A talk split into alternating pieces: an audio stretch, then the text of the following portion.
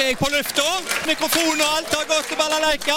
Da er det Balalaika med Alfenden i studio igjen, og vi ser på historiske hendelser i uke 21. Jeg begynner med en fødsel i 1945 i dag. Eh, Priscilla Presley, amerikansk eh, skuespiller.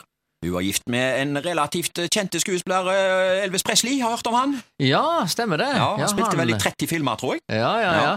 Han er det vel kanskje noen som har hørt om. Han tror jeg nok eh, mange har hørt om, ja. Eh, Priscilla, ja, kona altså, fikk ei rolle i såpeserien Dallas. Å ja, Ja, gjorde ja, det. ja, ja, visst gjorde hun det. Ja. Det var i mange år med i Dallas. Ja.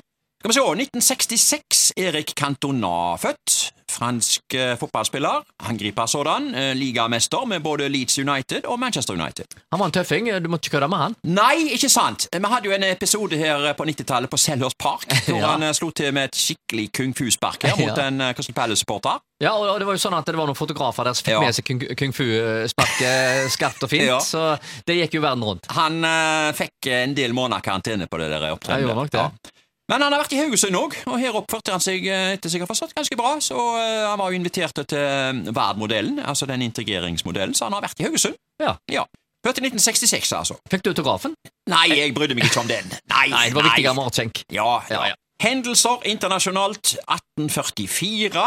Det første elektriske telegrammet blir sendt av Samuel F.B. Morse fra Baltimore til Washington DC. De sier Ja.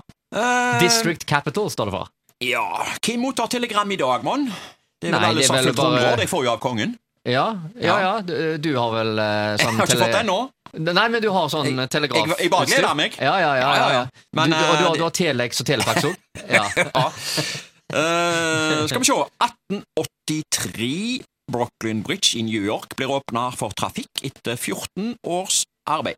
Vi ser litt på lokale hendelser og tar for oss kino i 1975.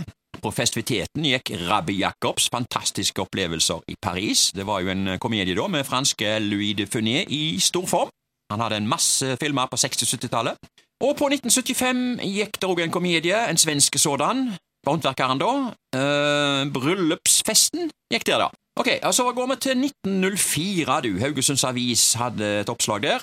Det åttende vestlandske kretsturnstevnet ble arrangert i Haugesund søndag. Oppvisningen begynte klokken fire i middelsskolegården.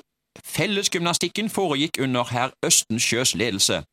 Gjennomgående fikk man se riktig mange smukke prøver på smidighet, kraft og god kroppsføring.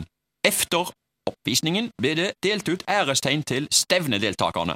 Ja, det vet du hva som var populært på denne tida? Noe som heter linjegymnastikk. Å, ja. Det står ikke noe her om at det var det her, men eh, det regner jeg med har vært. Det var jo veldig populært i eh, de første årene til Haugesund Stadion òg, når den ble innført på 1920-tallet. ja. Linjegymnastikk var noe av det første som foregikk der oppe. Det var Ja.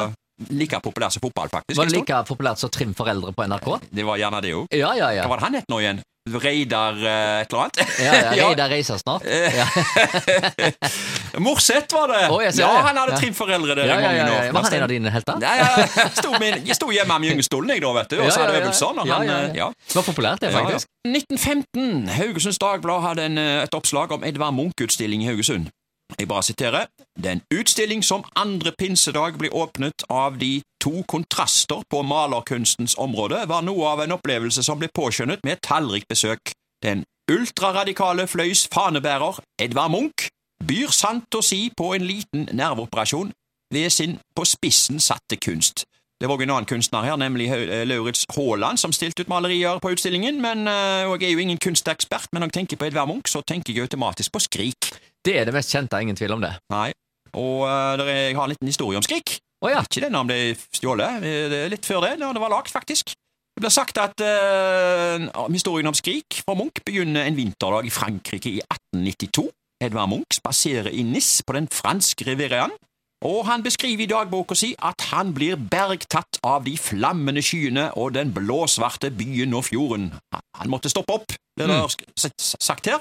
Skjelv han av angst og kjente et stort, uendelig skrik gjennom naturen. Ja, ja, ja. Og da eh, klarte han å få det på eh, lerretet. ja, og da er det egentlig bare én ting å spørre om her, Ja, føler jeg. ja.